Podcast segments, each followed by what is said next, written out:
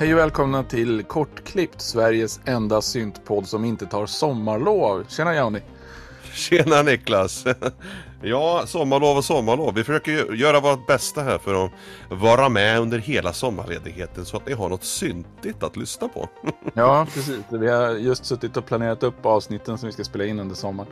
Jag eh, hade läst fel i min kalender och trodde vi var lite stressade, men det visade sig att det var jag som var klantig, så det kommer gå så bra så. Jag tror det också. Det är bara köra, köra på så det ryker. Mm. Ja, och det första jag vill ta upp idag är ett nytt släpp på SHS Synt, mitt eh, skivbolag för syntmusik. Då. Det är ett par grabbar från Gävle och den ena killens fru faktiskt på sång på vissa låtar. Polygon Legion heter de och det kördes en låt i Lamours inbox-special som jag var i, med i förra veckan. Eh, fantastiska killar, jättebra musik. Eh, jag är jätteglad för det här släppet faktiskt. Det har varit jättekul att jobba med. Och det känns som att de tar syntpoppen liksom ett steg framåt lite grann in i framtiden på något sätt. Jag, jag gillar det verkligen. Mm, mm. Har du hunnit lyssna? Ja, jag ska vara riktigt ärlig så tänkte jag spara undan det där Lamour eh, eh, inbox-avsnittet till ett väldigt bra tillfälle. Eh, så att jag sitter och håller på den varmt om hjärtat och väntar. Så att eh, nej, jag har inte hunnit lyssna på den, men det kommer snart. Det kommer snart, jag lovar. ja, och, och gillar du Polygon Legion-låten så finns det ett gäng till på det lilla släppet. Underbart, underbart. Yes. Eh, jag lyssnade ganska mycket på P3 förr i tiden och då gick det ett program som hette Christer, kommer du ihåg det? Nej, nej, verkligen inte. Nej. Ingen stor P3-kille. P2 är nej. min grej. ja, P2 är din grej. P1 har blivit min grej faktiskt. Eh, men den här Christer då, han gick ju vidare och startade bandet Universal Pop Lab. Ah, men det känner jag ju till. Ja, jag tror att han sjöng faktiskt. Jag kommer inte ihåg exakt vilken roll han hade, men de hade en del riktigt bra hits faktiskt. Mm, mm. Anledningen till att jag tar upp dem är att jag tyckte Christer var ett ganska roligt program, men jag tyckte de led av den här grejen att det var deras lyssnare som gjorde alla deras eh, program. För att nästan alla programsegment gick ut på att lyssnarna skulle ringa in och prata om någonting och så blev det content av det. Eh, men vi har ju faktiskt fått ett par lyssnarfrågor till idag och jag tycker att det är en annan sak. För vi får lyssna frågor och vi får reagera på dem och vi får prata om dem och vi får ta upp våran syn på det. Så vi gör ju fortfarande programmet. Så jag, jag tycker lyssnarfrågor är fantastiskt och det vill vi jättegärna ha mycket mer av. Ja, jag håller med. Det är fantastiskt kul, alltså interaktionen vi har mellan er där ute som lyssnar och oss två gubbar som sitter här och tjötar. Det är det roligaste eh, biten tycker jag. För att då har man liksom en dynamisk konversation som, som pågår. Eh, och vi lär oss extremt mycket av de här olika ämnena och de här frågorna som ni ställer också. Så att eh, eh, jag tycker det är helt fantastiskt kul. Så det, det vill vi att ni ska fortsätta med. Ställ frågor. ja, precis. Eh, och, och vad heter det, jag fick ju på discorden veta att den här synten som jag hade drömt upp, eh, som jag pratade om för ett par avsnitt sedan, den finns ju redan. Den heter ju Metasynt. Men vad ska man säga? Alltså du vet, eh, du, du besparade dig lite jobb där också kan man säga. Ja, verkligen. Och eh, det är jättebra att få den feedbacken då, ha den här discorden som vi har. Så om ni inte har eh, loggat på där ännu så gör det för 17 gubbar. Det är jättetrevligt. Så första lyssnarfrågan vi har idag då är hur man kan spela in sång hemma. Och eh, där vet jag ju att du till exempel var med din brorsa hos eh, Johan Bäckström och spelade in sång för ett tag sedan. Eh, hur gjorde ni då? Ja, alltså jag tänkte prata om eh, några mjuka bitar eh, först då. Eh, som jag tycker är viktigt. Egentligen det mest självklara, det är att öva på sitt material.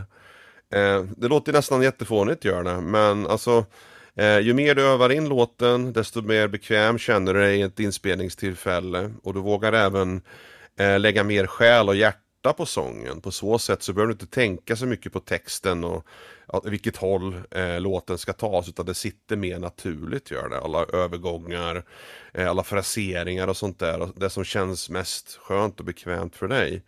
Eh, och det där är superviktigt tror jag, mycket viktigare än man tror. För att bekvämligheten gör att du släpper liksom den här, eh, vad ska man säga, du, du har liksom som en som en nervositet som försvinner när du kan låtarna på ett väldigt bra sätt. Såklart så kan du ha texten med dig ändå liksom och använda den som stöd men jag tycker det är väldigt viktigt att öva igenom hela låten många, många gånger så att den verkligen sitter för då kommer den även att sitta väldigt bra i studion. Om du kanske åker in och spelar in någon annanstans så sparar du tid. Och samtidigt så har du även en, du får ett bättre resultat helt enkelt när man har övat igenom låten massa gånger. Ja, I samband med det då, innan du börjar spela in också så kan du inte bara öva på sången utan göra sångövningar. Det finns massvis med olika tekniker där ute, jag tänker inte gå igenom och rabbla igenom allihopa men eh, som ger dig liksom lite möjlighet att värma upp stämbanden och sånt där. Eh, och på så sätt så minimerar du risken för att eh, få rosslig hals, du minimerar risken för att skada din hals och du minimerar risken för att du ska bli trött i förtid. Då. Eh, och sådana där, man kan sjunga liksom, det finns sådana prille prolle, prille prolle, sådana där saker man kan hålla på med. Men googlar du liksom på YouTube så kommer du hitta då eh, massvis med olika tips då om snabba uppvärmningstekniker. Jag är ingen sångare själv, så jag kan inte dem i huvudet då.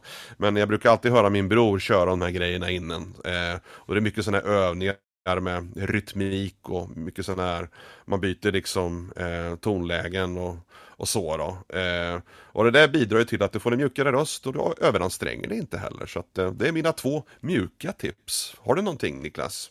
Ja, och där har du ju liksom också den här grejen att du blir bekväm i att hålla på och sjunga så att du inte tycker det är pinsamt.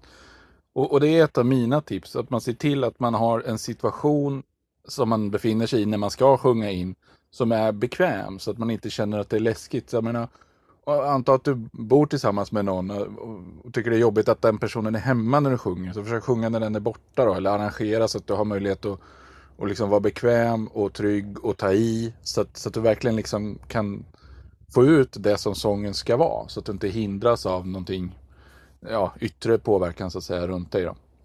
Nej, precis. Det där är ju jätte, jätteviktigt. Alltså bekvämlighet är ju A och O. Eh, och har du svårt med det så kanske det eh, det enklaste är att åka eh, ut på sajt till någon annan som du kan spela in hos där, där det är enklare liksom att vara sig själv. Eller som du säger då, se till att man är ensam hemma och kanske inte stör grannarna heller. Nej precis, alla, bo, alla bor ju liksom inte i egen villa eller något sånt där utan liksom har kanske grannar tätt inpå som, som skulle kunna störa så, så försök spela in vid en tidpunkt när du inte är rädd att störa dem då så att säga. Precis, ja, precis. Ja.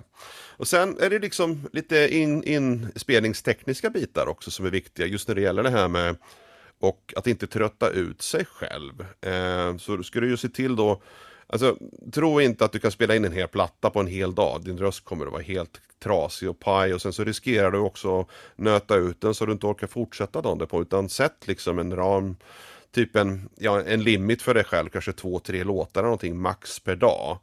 Eh, och se till då att du, när du väl spelar in låtarna också, att du kör de viktigaste partierna först. Det vill säga att du väljer att ta leadsången, eh, kanske dubba leadsången när det behövs. Så hoppar du till nästa låt, tar leadsången där. Tredje låten tar leadsången där och sen så går du tillbaka så kör du de bitarna som inte är lika viktiga. Som inte är i fronten, typ körer och stämmer och sånt där om du jobbar med sådana typer av låtar. På så sätt så eh, bibehåller du kraften i rösten genom hela inspelningsstudiosessionen. Och även då eh, kanske orka med då fler låtar under en och samma dag. Eh, och körer och sånt där är ju inte alltid någonting som du själv kanske måste göra. Du kan ta hjälp av andra för att lägga stämmer och sånt där. För att spara din egen röst också. Så har du någon i din bekantskapskrets som är duktig på det så kan de hjälpa till. För det är väldigt, väldigt sällan man hör Oj, det är inte Joni som körar, det är någon annan. Det, det kommer ingen märka. Eh, så att där har du en upside också att du kanske kan göra sånt här i post production också. Att du i efterhand lägger på mer körer. Utan bara ta leadbitarna först då. På så sätt så sparar du massor med tid. Eh, och jag känner själv liksom att tid är ju väldigt viktigt just när det gäller rösten i och med att det är ju en det är ju ett instrument som slits ut väldigt fort om man överanstränger det. Och då är det viktigt liksom att ta hand om rösten ordentligt och, och så. Eh, och sådana här klassiska saker också, typ drick inte bubbelvatten. Eh, det är en sån där grej som man inte tänker på för det, ju, det, skapar ju liksom en hel del problematik. Utan rent ljummet vatten är ofta, som oftast alltid bäst under sessionerna. Och undvik då i den mån det är möjligt då, dricka alkoholhaltiga drycker också för det torkar ut kroppen och även rösten. Och gör att man inte orkar med liksom hela sessionen. Sen när man sjunger EBM så kanske man måste ta en jäger ändå, men det, det får ni själva, själva liksom bedöma då, huruvida eh, det, det, det, är passande eller inte. Men det är mina små tips i alla fall. Ja, ja och sen ta pauser, liksom bryt lite grann då och då. Har du spelat in intensivt en stund så, så bryt och andas och rör på dig lite grann. Eh, sen så, ja, vi var inne på det där med att våga ta i. Eh, jag tycker också att man ska stå upp för att liksom, ja. kunna ta, ta i. Eh, det har aldrig gått att sjunga in något pampigt mästerverk genom att sitta dubbelvikt liksom, med, med, mikrofonen nära sig på något konstigt sätt. Det blir, det blir bara dumt. Eh, och vi pratade lite grann om det innan vi började spela in här. Eh, en, en, anledning till att man sitter ner är kanske att man har försökt bygga någon sorts akustikpanel eller något sånt där. Eh, eller något litet filttält som man sitter inuti och sjunger. Men du menar att sånt behövs inte? Nej, alltså det där är ju högst personligt tycker jag. Det räcker med en skärm bakom mikrofonen för de inspelningar som vi gör. Eh, för att ta bort alltså, rumsekot bakom så att säga. Eh, och det har inte varit något problem på någon av de inspelningar vi har gjort. Visst, fine, det är ju bra att ha kanske ett, ett sångbås eh, om man om man är jätte, jätte petnoga och har liksom eh, en person som kanske sjunger väldigt tyst av någon anledning, ska viskas lite ASMR-grejer, så vill man ju ha så lite läckage som möjligt. Men eh, det är också en sån där eh, grej som jag känner att nej, det, det, det blir kanske bättre inom situationstecken då om man gör det i ett sångbås för man kan kontrollera akustiken. Men jag tycker nog ändå inte att en sån här skärm bakom mikrofonen, en sån här T-Bone eller vad de heter, röda gör ju sådana där också, funkar alldeles utmärkt.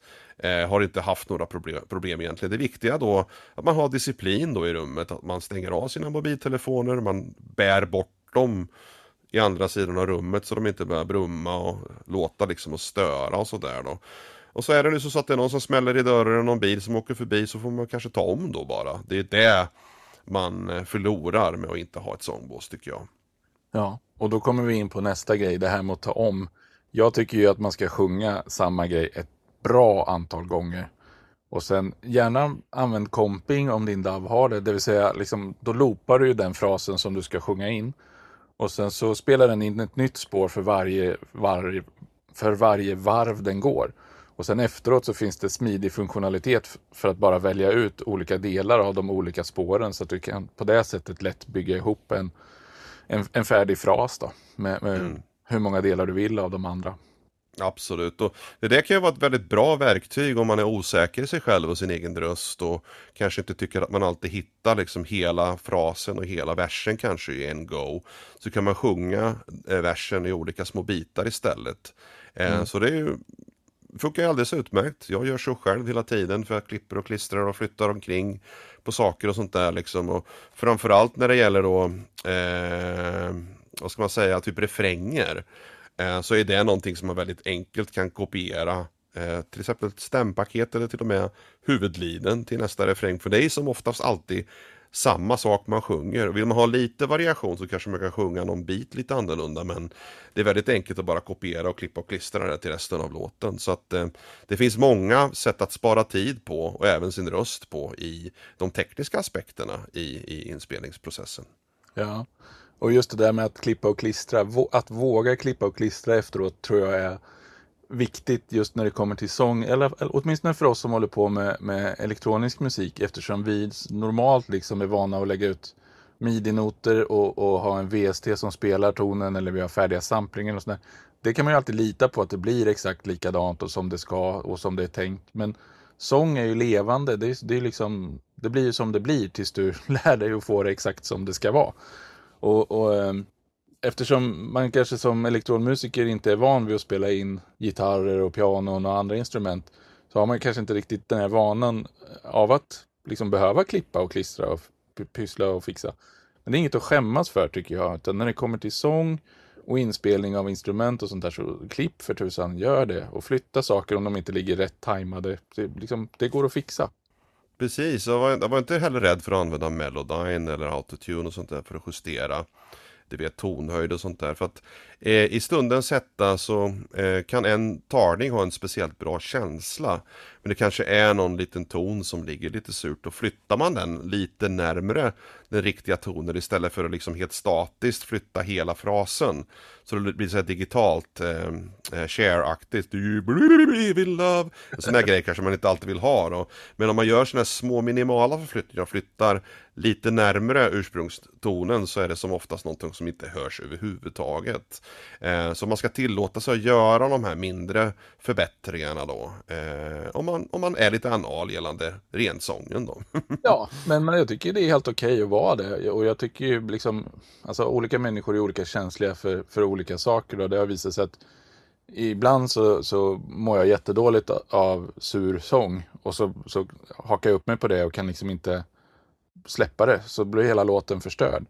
Mm. Och för mig hade det varit väldigt värt att bara liksom dra den där en kvartston eller vad det nu är som saknas, liksom bara för att få det rätt. Och då tycker jag just att Melodyne är ett jävligt bra verktyg eftersom det är ju inte realtid utan det är ju, du måste ju spela in ljudet i Melodyne eh, pluggen och justera liksom i icke-realtid. Så det blir bättre upplösning, mer transparent bättre liksom feeling än autotune som försöker göra det i realtid. Då. Precis. Och det som är så bra med Melodyne också är att man kan flytta enstaka bupp och sådana där saker liksom fram och tillbaka till tiden. Eh, istället för att klippa ljudfilen och hålla på och fippla så kan man flytta liksom de eh, konsonanterna, de hårda liksom transienterna på ett väldigt enkelt sätt. Ja. Eh, för återigen då istället för att man kanske inte hörde det vid inspelningstillfället, det är kanske är någonting som sitter fel. Eller så har man en tagning som känns väldigt bra, men just den där konsonanten, där rätt kåt ligger väldigt på fel ställe, så kan man flytta det på ett enkelt sätt. Kanske även sänka volymen på transienten kan man göra, så att det är extremt kraftfullt i den aspekten som, ja, som ett hjälpmedel.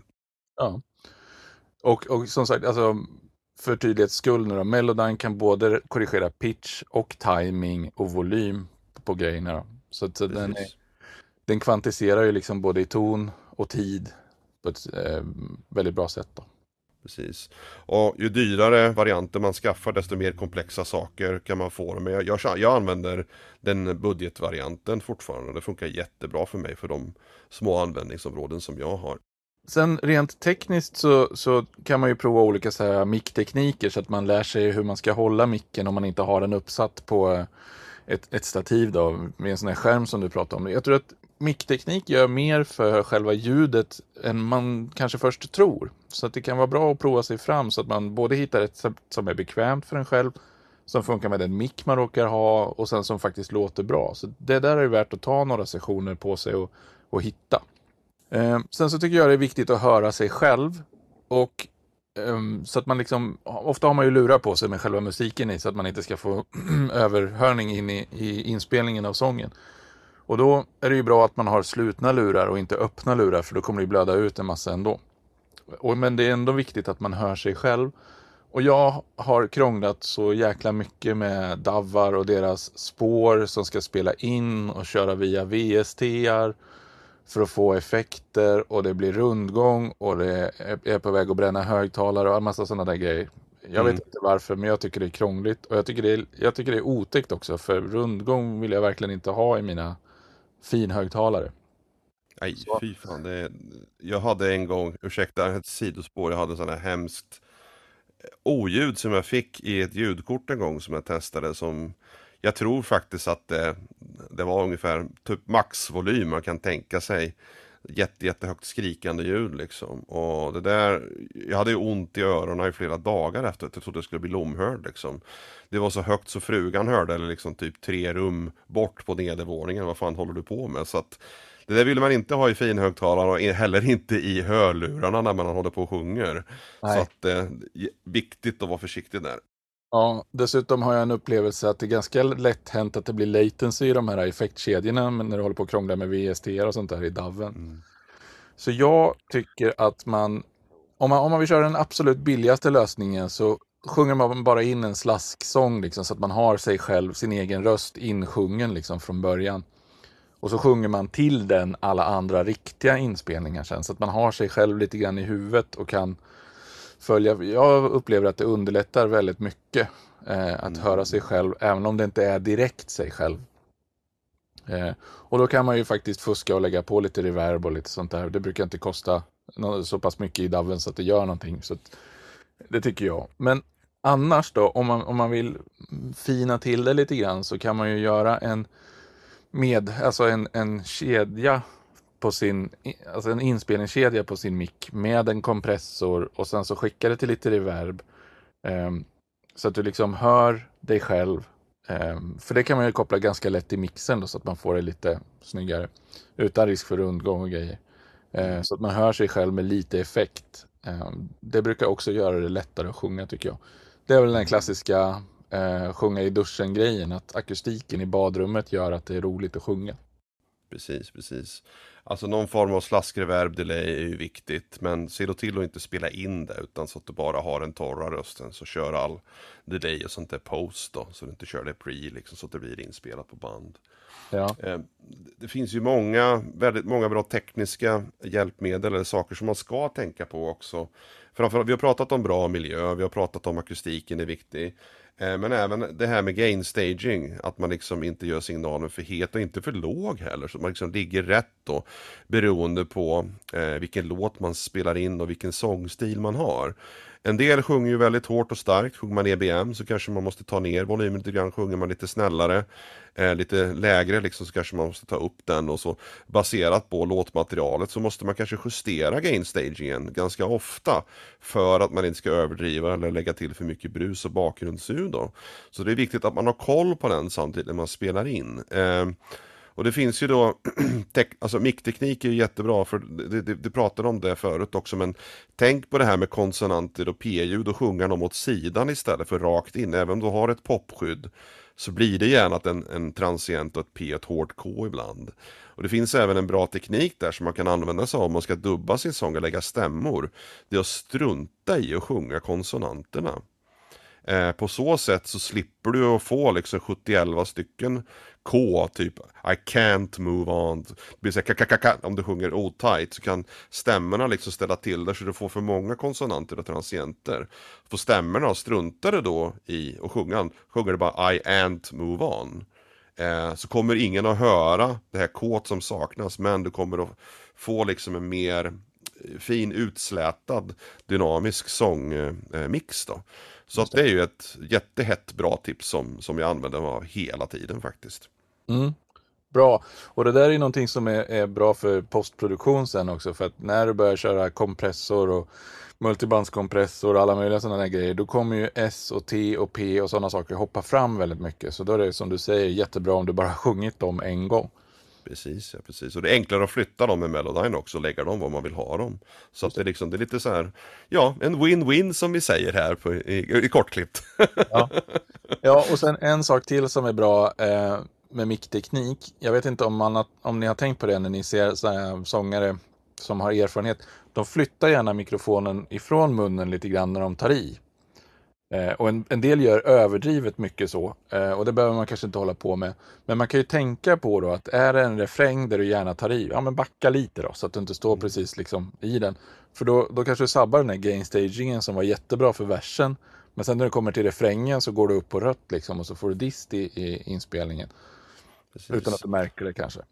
Precis, men det är en sån där klassisk grej. Du kan ju eh, flytta, sig, flytta sig bakåt, det känns en ganska onaturlig rörelse. Visst, det funkar för en del, men att vrida huvudet är nästan det, det bättre alternativet tycker jag. När man tar i så sjunger man in i väggen istället. Eh, på så sätt så man kan göra det, det är en sån här muskelövning, man kan göra det till, en, till ett muskelminne, det vill säga alla hårda ord man tar i. Eh, tittar man in i väggen istället på, så gör man det som en rörelsegrej då. Och det här är ju, det går ganska fort att programmera sig själv till att göra den rörelsen. Eh, så att det är ett hett tips också, och det är ju inte lika, alltså det är ju Visst, ha, ha, som du sa förut, om man håller mikrofonen i handen så är det enklare att flytta den från munnen. Men istället för att flytta den från munnen så kan du även göra den här vridrörelsen. Så har du med den också till en stationärt monterad mikrofon. På så sätt så får du lite grann, återigen då en win-win. mm. Ja, jättebra, jättebra. Eh, tycker du om att vara fler när ni spelar in eh, sång eller är du gärna liksom själv? Alltså, är, har du någon som sköter transporten på daven liksom eller vill, vill, kan du lika gärna göra det själv? Ja, alltså det är ju en jätte jättestor fördel att ha någon som sköter transporten. Visst, är man helt själv och spelar ett soloband och inte har någon som kan hjälpa till så är det svårt att komma ifrån att du måste själv vara där och hamra och köra kontroller och så. Då. Men eh, fördel är ju om du kan ha någon som hjälper dig att slå av och på, spela in och byta spår.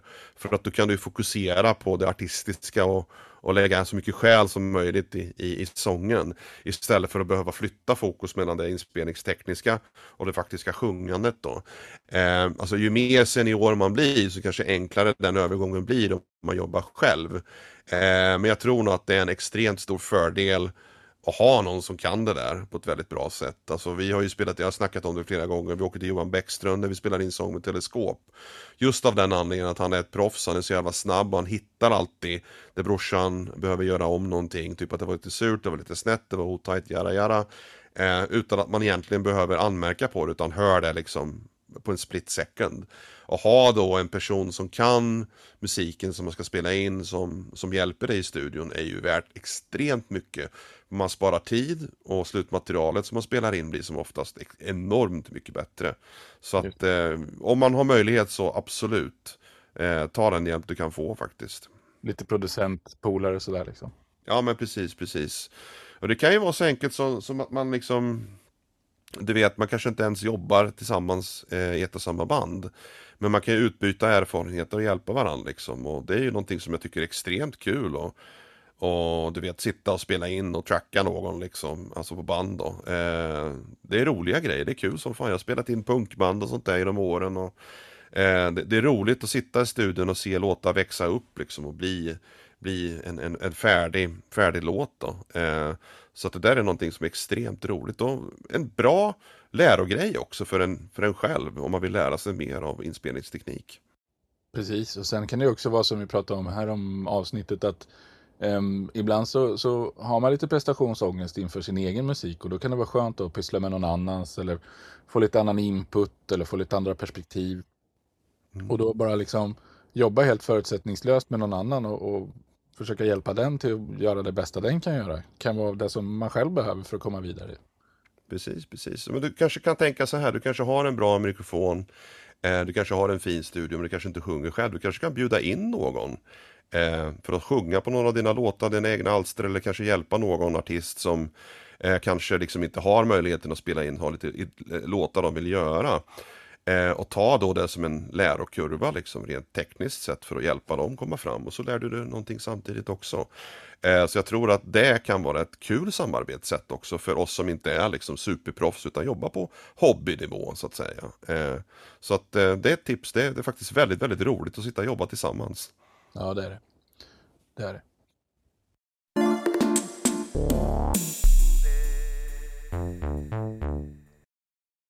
Ja, och om man spelar in sång och samtidigt har småbarn så kommer vi in lite grann på eh, nästa lyssnarfråga som du hade fått in som handlar om hur man får utlopp för sin kreativitet i, ja, under småbarnsåren helt enkelt. När man har en familjesituation som är lite mera krävande kanske.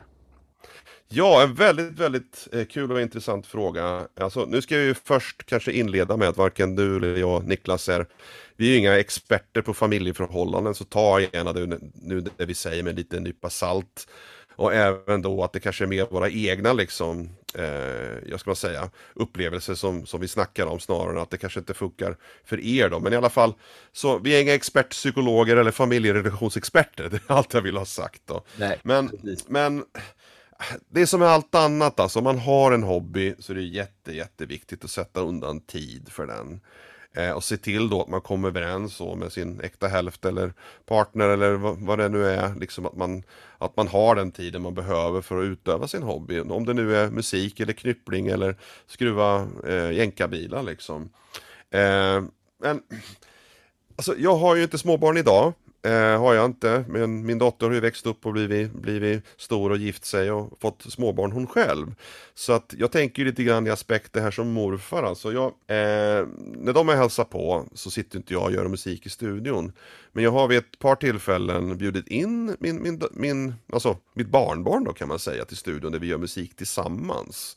Eh, och då, det har jag känt varit en ganska så upplyftande eh, bit i, i mitt musicerande för att Eh, det är ju en upptäcktsfärd då för en två, treåring liksom och se massa syntar och massa rattar man kan skruva på som gör allehanda konstiga ljud. Och det är ju för mig en, en ganska rolig grej att ta till då när jag känner att jag kanske inte kan själv göra musik men jag kan bjuda in barnen och mitt barnbarn då till studion för att göra musik tillsammans. Jag köpte faktiskt en sån här liten blippblocks, eh, gjorde jag, eller vad den heter, som är som en liten synt som har förprogrammerade patterns och sådär men som har massvis med reglage i glada färger och roliga lampor som tänds och släcks som man kan egentligen lära sig sounddesign på. Och den där tycker hon är extremt rolig att hålla på med och hälsa på. Den har faktiskt midi in också så man kan synka den med, med de andra instrumenten jag har i studion. Jag känner att det är ju någonting som jag tycker är kul att involvera då eh, mitt barnbarn i då fast på Alltså hennes villkor egentligen, när hon är sugen på att spela synt, då gör vi det. När hon är uttråkad av att sparka boll, då går vi och sparkar boll istället. Men då blir det lite grann som en, en familjeevent istället. Nu förstår jag ju såklart att det här kanske inte är det önsk, alltså det den biten som eh, dit man vill gå alltid. Man kanske vill sitta själv och göra musik. Men om man inbjuder till samarbete på familjenivå så kanske det hjälper till då att skapa liksom inspiration eh, hos, hos dig som förälder då. Eh, för att hitta liksom eh, inspirationskällor där man sätter sig själv och gör musik då istället. Eh, och då kanske man även får en mer bättre förståelse från familjen också när man sitter och gör musik. Att okej, okay, det, är det här pappa eller det är det här mamma gör liksom när, när, när de är i studion och grejar. Så att eh, det kanske inte hjälper till så det är jättemycket men den reflektion jag hade att eh, de stunderna som, som barnbarnen hälsar på är faktiskt de roligare stunderna jag har haft i studion. Så att eh, det kan vara något. vad, kan... vad, vad, tycker du själv? Vad tycker du själv Niklas? Ja, alltså jag har ju inte småbarn längre, mina är tonåringar. Men vi hängde i studion några gånger eh, när de var små. Ibland var det kul, ibland var det mest bara de tröttnade väldigt fort. Och så det liksom, jag fick inte ut något kreativt utlopp av det egentligen. Mm. Så mina tips handlar mer om rutin, som vi pratade om förut.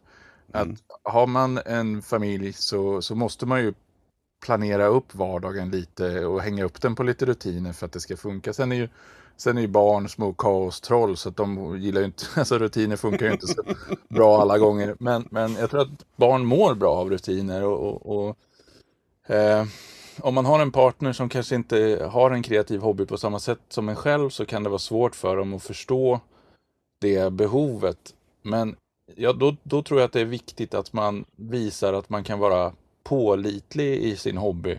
Det vill säga att man, att man har en, säg att man har en rutin där man får loss en timme varje vecka. Det, det är mer än ingenting i alla fall. Mm. Men då måste man också vara eh, så pass pålitlig att den där timmen är en timme.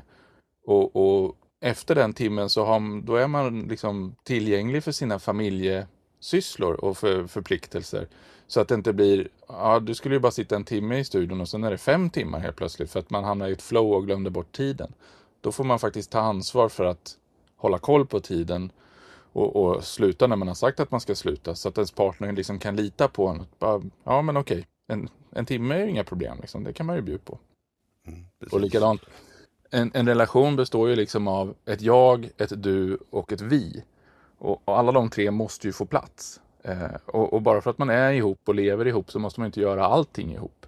Så det måste vara helt okej okay för den ena parten att kräva visst mått av egen tid om den samtidigt ger den andra parten ett liknande mått av egen tid. Och då är det också viktigt att man liksom är noga med att, att den, här, den här egentiden som man ger sin partner förväntar man sig inte att den ska göra någonting alltså husmässigt så att säga, eller hemmässigt. Om, om inte det är den personens specifika hobby som den tycker är väldigt roligt. Men, men det måste också vara någonting som den klarar av att göra själv. För att Alltså jag separerade ju från mina barns mamma. Eh, och det hade ju säkert mängder av orsaker. Men en av orsakerna tror jag var det här att vi, vi liksom var dåliga på att dela upp eh, våra liv och ge varandra det utrymme som vi faktiskt själva behövde. Eh, och eftersom det då i förlängningen blev så att jag hamnade alltså, utan barn varannan vecka och med barn varannan vecka. Då blev det ju av, av automatik så att varannan vecka så kan jag inte sitta i studion alls för då har jag 100% ansvar för barnen. Så då fick jag ju liksom sätta mig de tider som barnen äh, sov då, rent praktiskt när de var små.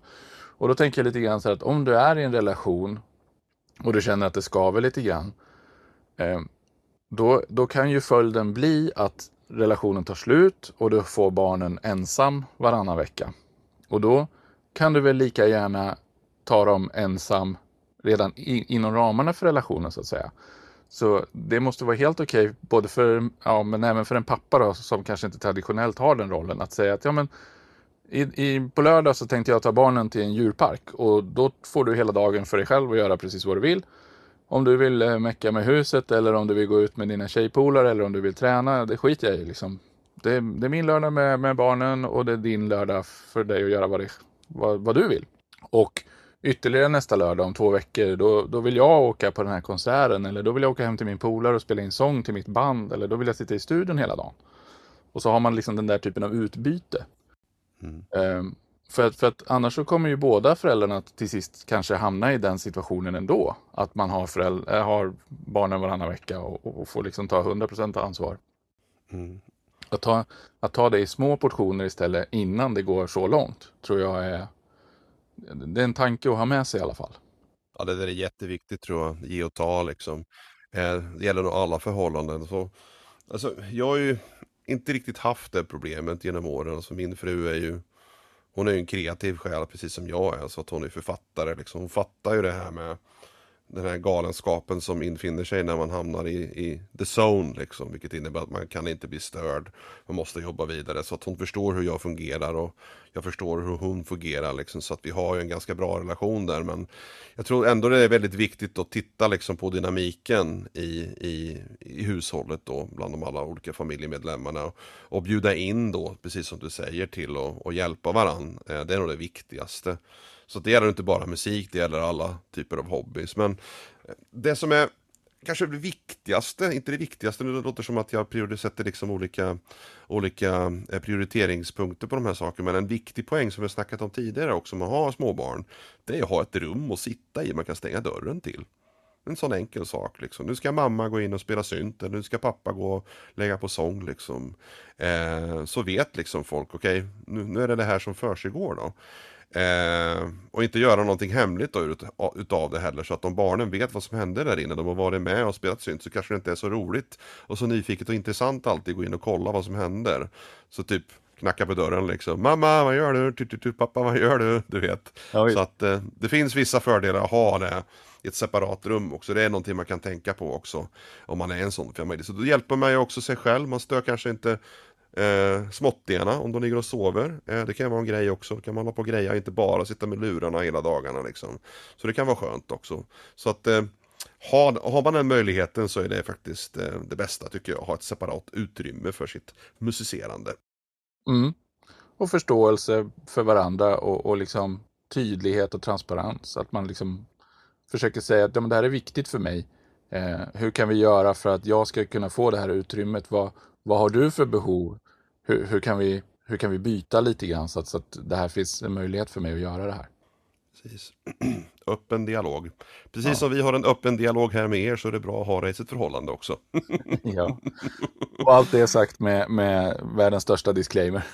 precis, ja, precis. Vi är inga experter, men jag tycker ändå det är en det är en sjukt intressant eh, frågeställning tycker både jag och Niklas. Så det, det är roligt att, att man kan försöka utveckla det lite grann. Titta det för, hur vi själva känner och hur vi själva har känt genom åren. Eh, ja, som sagt, våra barn är så pass stora nu så att eh, de klarar sig själva när vi syntar. ja, och framförallt när vi poddar. De brukar vara hemma när jag gör det, men just idag är, är det semestertider så de är ute och flänger precis. Hörni, mm. Eh, det var allt för idag. Tack för lyssnarfrågor. Tack för en aktiv Discord och glöm inte att lyssna på Polygon Legion. Precis. Och det viktigaste av allt, hörni, glöm inte att spela synt. Tack och hej. Ja, tack och hej.